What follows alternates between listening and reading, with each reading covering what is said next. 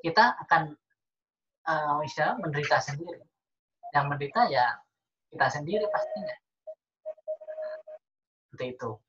Ya. Oke, silakan yang ingin bertanya lagi. Tadi kan pendapat saya ya. Oke, selanjutnya hmm, Bante, bagaimana kalau kalau karena sering di rumah dan jadi banyak bersinggungan atau ribut dan jadi merasa tertekan dengan orang rumah, bagaimana Bante? Hmm, gimana ya? Memang kadang kalau dengan orang itu dengan siapa saja kalau uh, jarang ketemu akan rindu. Kalau sering kumpul ya seperti itu jadinya. Uh, jadi di situ sebenarnya kesempatan bagi Anda mungkin yang ada kesinggungan dan lain sebagainya, di situlah kesempatan saling mengenal.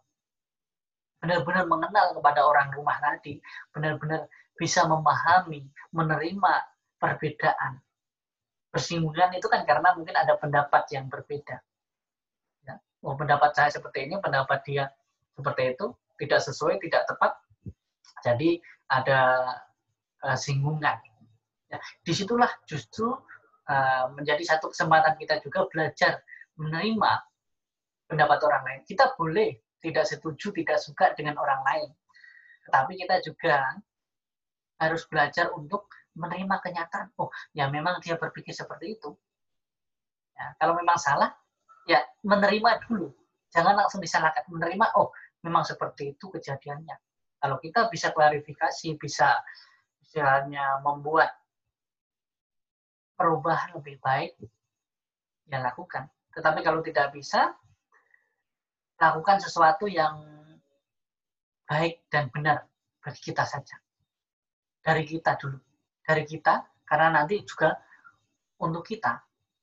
Itu kesempatan kita untuk uh, membangun toleransi di dalam diri kita ketika Anda di rumah, di dalam keluarga. Satu orang saja kita dengan pikiran kita sendiri saja, kita sering uh, bertentangan apalagi dengan orang lain. Seperti itu. Nah, oke, pertanyaan selanjutnya, bagaimana pandangan Bante tentang orang yang dapat meramal masa depan? Mana ya? Kalau tentang meramal-meramal itu bisa saja kebetulan, bisa saja benar, bisa saja itu memang sudah keahlian orang tertentu karena bawaan kama masa lampau. Ya karena orang-orang tertentu yang uh, istilahnya bagus di dalam mengembangkan batin tetapi moralitasnya tidak sesuai kebajikannya kurang dia bisa terlahir sebagai manusia yang sakti dan sebagainya. Tetapi kondisi kehidupannya seperti itu. Ya, kondisi batinnya berkembang tetapi kebajikannya kurang. Oke selanjutnya hmm, Bante izin bertanya, apa yang sebaiknya dilakukan jika uh, sesuatu apa? Ya.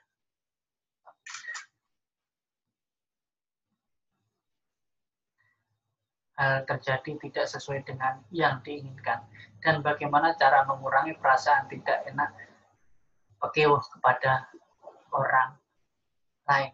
Ya pertanyaan uh, sama sih seperti tadi sih. Pertama kita harus hmm, oke wah ini kan karena kita tidak ngerti, tidak tahu harus berbuat apa. Yang pertama, kita berusaha untuk menerima bahwa kondisi ini ya begini. Yang kedua, maka menerima di sini, ya jangan salah paham dalam hal menerima. Menerima di sini kita bukan hanya menerima pasrah, tidak. Tetapi setelah menerima kondisi yang terjadi tidak sesuai dengan apa yang seharusnya kita bisa melakukan satu tindakan yang lain bagaimana supaya kita tidak pakai wah tadi, supaya kita tidak salah tingkah dan lain sebagainya.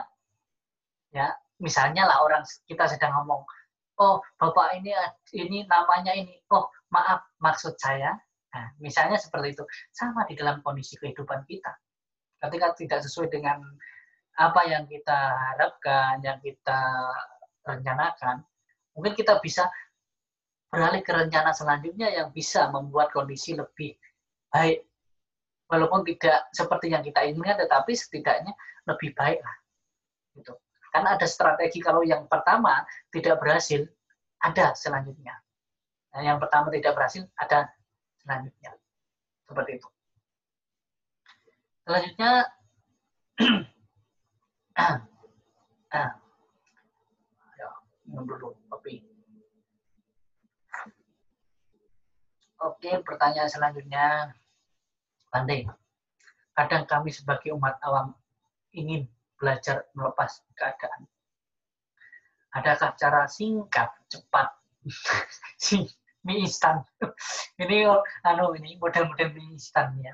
Cepat, lebih mudah untuk belajar menerima. Kalau kita sudah benar-benar memahami hukum sebab akibat tadi dhamma tadi dan bisa melepas ego kita, ego keakuan kita, ya, mengikis kebodohan batin kita, keseimbangan batin kita, batin dan pikiran kita, saya rasa tidak sulit untuk menerima kenyataan yang ada sebagaimana adanya. Sangat mudah sekali. Ya. Melatih batin dan pikiran kita sendiri. Kalau kita pikiran batin kita sendiri uh, tidak terkendali, sangat sulit menerima kenyataan yang ada. Sama mungkin seperti para pandai, seperti para ulama, dan lain sebagainya. Mereka terlihat baik-baik saja, terlihat bahagia walaupun mungkin masalah, kondisi batin dan lain sebagainya mungkin sedang tidak baik-baik saja. Tetapi karena latihan setiap hari, setiap saat menerima kenyataan yang ada sebagaimana adanya, tidak sebagaimana yang saya inginkan, maka kita akan lebih uh, bisa. Tidak ada yang instan. Ini instan aja harus rebus air ya. Itu ingat ya. Ini instan aja harus rebus air. Oke, jadi pertanyaan yang selanjutnya. Kita baca pertanyaan selanjutnya. Ya.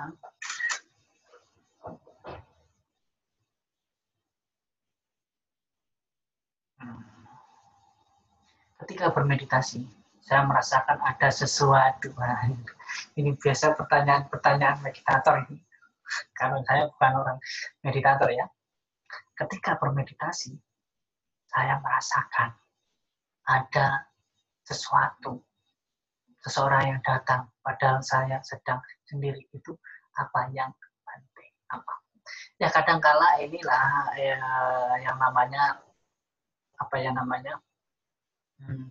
Kita tidak yakin dengan diri kita sendiri bahwa diri sendiri mampu memberi keamanan, kenyamanan eh, bagi kita sendiri ya, bagi diri kita sendiri.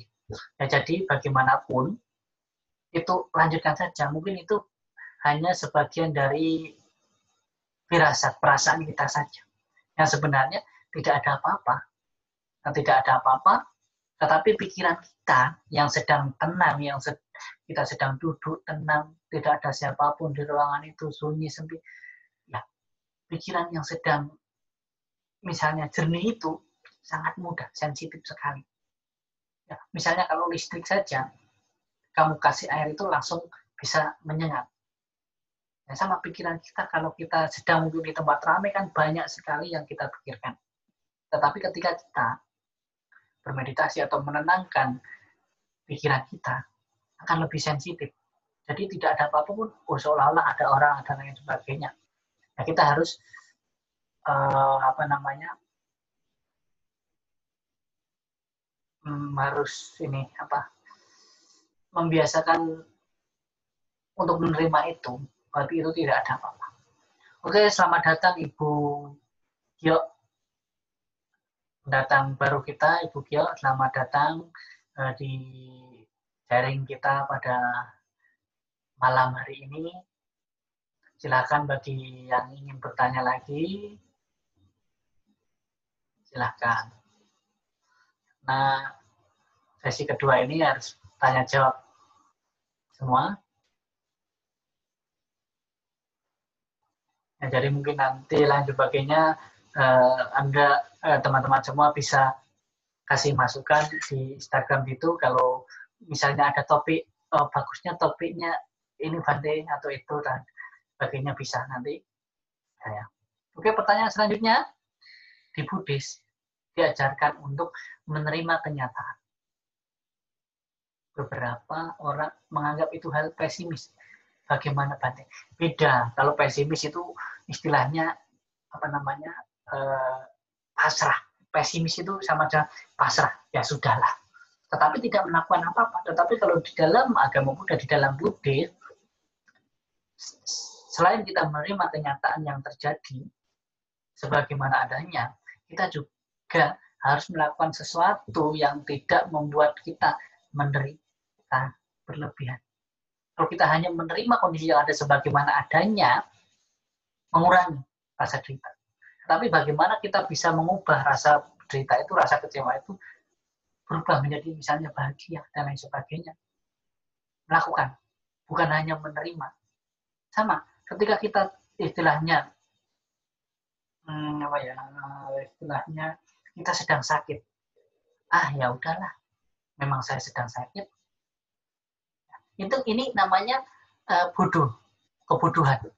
Tetapi menerima dulu oh ya saya sakit kita harus berubah ya di dalam di sini menerima tetapi juga harus berubah harus menjaga harus dijaga sama seperti sekarang lagi musim corona dan lain sebagainya. Ah, balik. Kan nggak masalah. Kalau tidak karma saya, ya tidak. Ya ini namanya bodoh. Gitu loh. Ya kita harus menjaga. Menerima memang ini. Kalau tidak karma, ya tidak. Tetapi kita harus melakukan sesuatu agar kita lebih aman.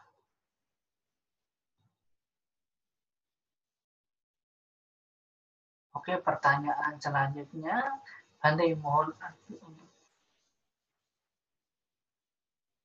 bedanya baik dan bijak. Uh, kalau baik sama bijak hampir sama, tetapi kalau baik, bijak, dan benar, nah ini beda. Oke, okay. yang pertanyaan ini, mohon untuk bedanya baik, beda baik dan bijak, bijaksana ya belum tentu ini benar. Nah, kalau menurut saya, menurut saya, nah, kalau yang kalau masih salah, baik dan bijak. Bijak ini kan e, menurut siapa? Kan tidak menurut kebenaran. Ya, tidak belum menurut kebenaran. Tetapi apa sih bedanya baik, bijak dan benar? Saya sering sekali e, mengatakan Bante, bahwa, bajik, Bante. Oh, bajik ya? Karena Maaf Bante, maksudnya kebaikan dan kebajikan, bukan bijak. Oh, entah, entah ya. Untuk beda baik dan bajik. Oh, baik dan bajik. Oke. Bajik itu kebajikan ya.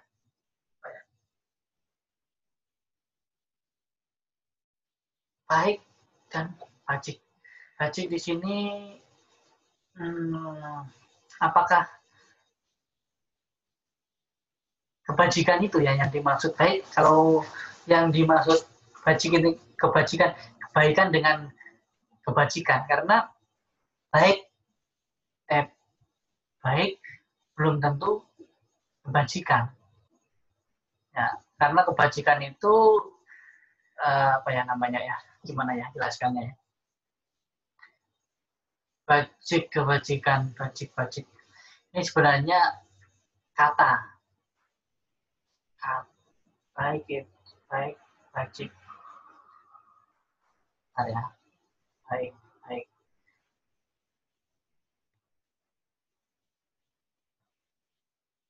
Bajik oke. Oke yang di sini kebaikan sama dengan kebajikan Oke itu kebaikan sama dengan kebajikan dengan uh, baik tadi ya. Tidak semua kebaikan itu kebajikan. Kadangkala kebaikan kita rusak oleh apa namanya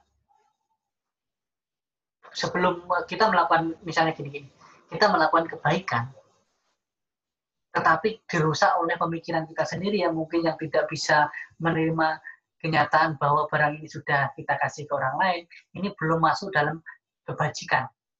Ya, belum masuk dalam kebajikan. Tapi kalau bijak eh, bijaksana di sini, uh, ini sudah ya yang berkomentar di situ, kebaikan sama dengan kebajikan. Bijak, bijaksana. Karena kebajikan juga bijaksana. Saya, nah, kalau menurut saya, kebajikan kalau kita sudah bisa melakukan kebajikan dengan baik dan benar, ini baik dan benar, itu merupakan kebijaksanaan. Kebijaksanaan melahirkan kebaikan dan kebenaran. Kebijaksanaan ya. Kalau kita sudah benar, pasti baik, pasti bijaksana. Tetapi kita baik belum tentu bijaksana, belum tentu kebenaran. Intinya di sini, kalau sudah benar, sudah pasti bijaksana, sudah pasti baik, sudah pasti mendapatkan kebajikan. Tetapi kalau kita baik, uh, apa namanya, benar, eh, baik, bijaksana, belum tentu benar. Itu, ya. Baik, belum tentu benar, belum tentu bijaksana. Tetapi kalau sudah benar, pasti sudah baik, sudah bijaksana. Karena bijaksana belum semuanya benar ya. Oke, pertanyaan yang selanjutnya, Pandai, seperti yang saya pahami, butuh waktu sangat lama untuk bisa memahami ajaran Buddha yang memiliki 84 ribu pintu dhamma. Adakah cara bagaimana kita umat awam yang bukan dari anggota sangha mempelajari lebih dalam tidak melakukan segala jenis kejahatan, melakukan silap, tambahkan kebajikan, disiplinkan pikiran kita. Itu saja. Tiga hal laksanakan, lakukan dulu. Tidak usah terlalu istilahnya panjang sampai 84 ribu kanda suta. Saya sendiri tidak hafal, jujur saja ya. Saya 84 ribu kanda suta itu tidak hafal, belum ngerti semuanya. Tetapi di situ jaga sila, tambahkan kebajikan, disiplinkan pikiran kita. Disiplin di sini ketika kita meng mengamati pikiran kita, pikiran baik dan benar, kembangkan pikiran yang baik dan benar, uh, kurangi pikiran tidak baik yang tidak benar itu dikurangi. Itu saja, sesimpel itu. Uh, saya mudah sering, sering di dalam suta-suta itu mengatakan bahwa buat apa kita menghafal seribu bait dhamma kalau kita tidak menjalaninya. Lebih baik satu bait tetapi kita jalani dengan Eh, sungguh-sungguh. Itu. Ya, ada lagi pertanyaan selanjutnya sebelum waktu kita nanti habis karena saya rasa uh, tinggal beberapa menit lagi tidak terasa. Oke, selanjutnya nanti kegiatan bakso sering didokumentasikan dan diposting di media. Interankah? Bisa jadi. Sesuai tujuannya. Karena tujuannya mengepost, memposting, memfoto itu untuk menginspirasi orang lain supaya mau melakukan kebajikan, oke. Okay. Tetapi eh, kalau hanya untuk misalnya oh supaya saya terlihat baik, supaya sih saya terlihat dermawan dan lain sebagainya, ya bisa pencitraan. Di sini tergantung niat kita. Niat kita eh, pas ngepost foto dan lain sebagainya, ya, tergantung niat kita bisa saja menjadi satu kekotoran batin eh, bagi kita sendiri itu bisa juga. Tergantung niat awal kita untuk ngepost ketika melakukan kebajikan itu apa? Apakah untuk menginspirasi orang lain supaya eh, bisa melakukan kebajikan seperti yang saya lakukan? Itu. Ya. Selanjutnya oke seperti uh, saudara Henny Wang ini itu tergantung motivasi cocok. Maka dalam mempraktekkan apa pun, dalam belajar dhamma, belajar dhamma di dalam menjalankan apa pun, awal perbaiki dulu motivasi kita. Motivasi Anda menjaga menjalankan sila itu harus benar dulu. Motivasi Anda berdana harus benar dulu. Motivasi Anda dalam melakukan meditasi harus benar dulu.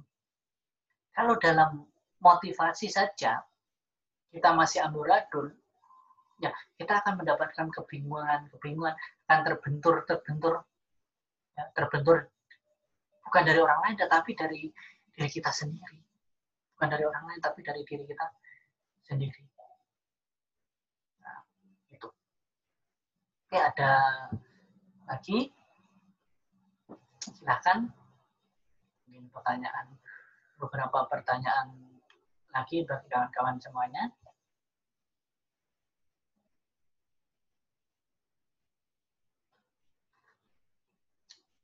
Boleh bertanya di luar topik tentang menerima kenyataan, boleh. Oke, pertanyaan selanjutnya.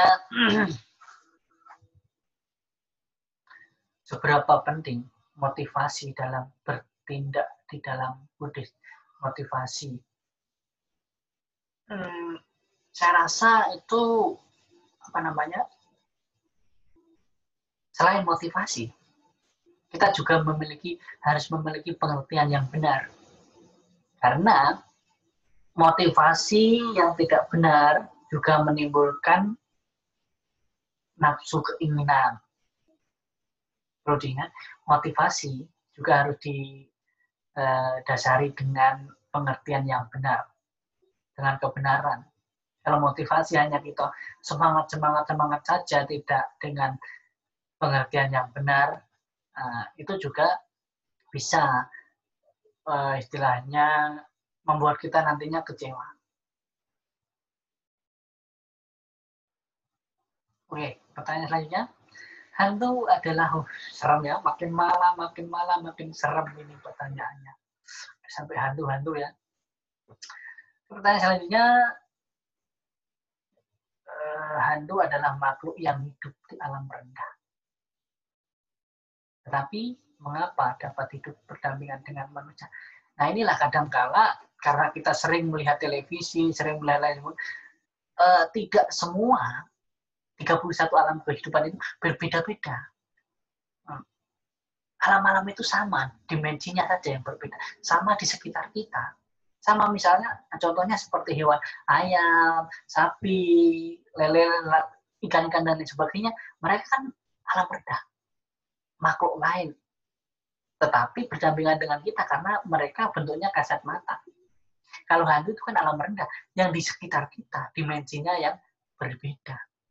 Alamnya di sini, tetapi sebutannya dia alam hantu. Nah, setan, lain sebagainya, apalah itu sebutannya. Tetapi berada di dunia yang sama ini, hanya alam, sebutan alam yang berbeda.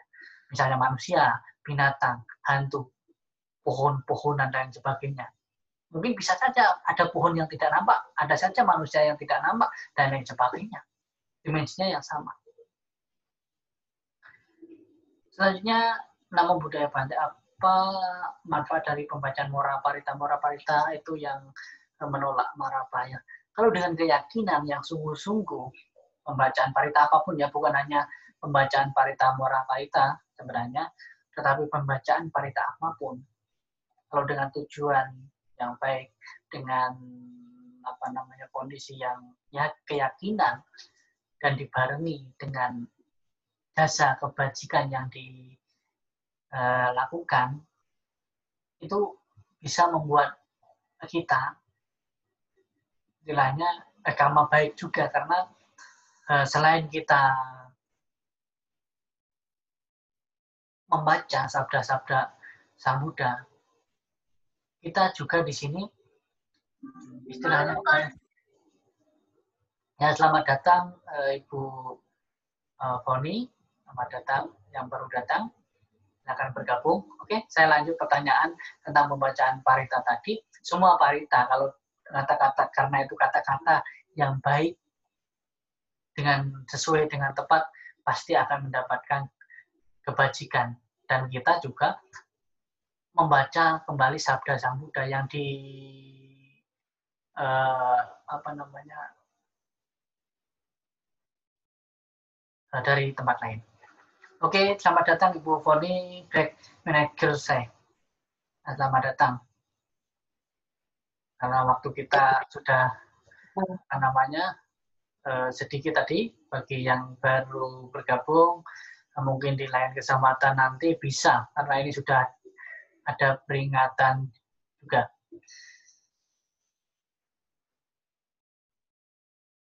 Oh, bosnya Bu Boni lagi hack. Oke, selamat datang uh, Ibu Yo. Selamat bergabung dengan kita semua di sini di acara sharing Dhamma pada malam hari ini.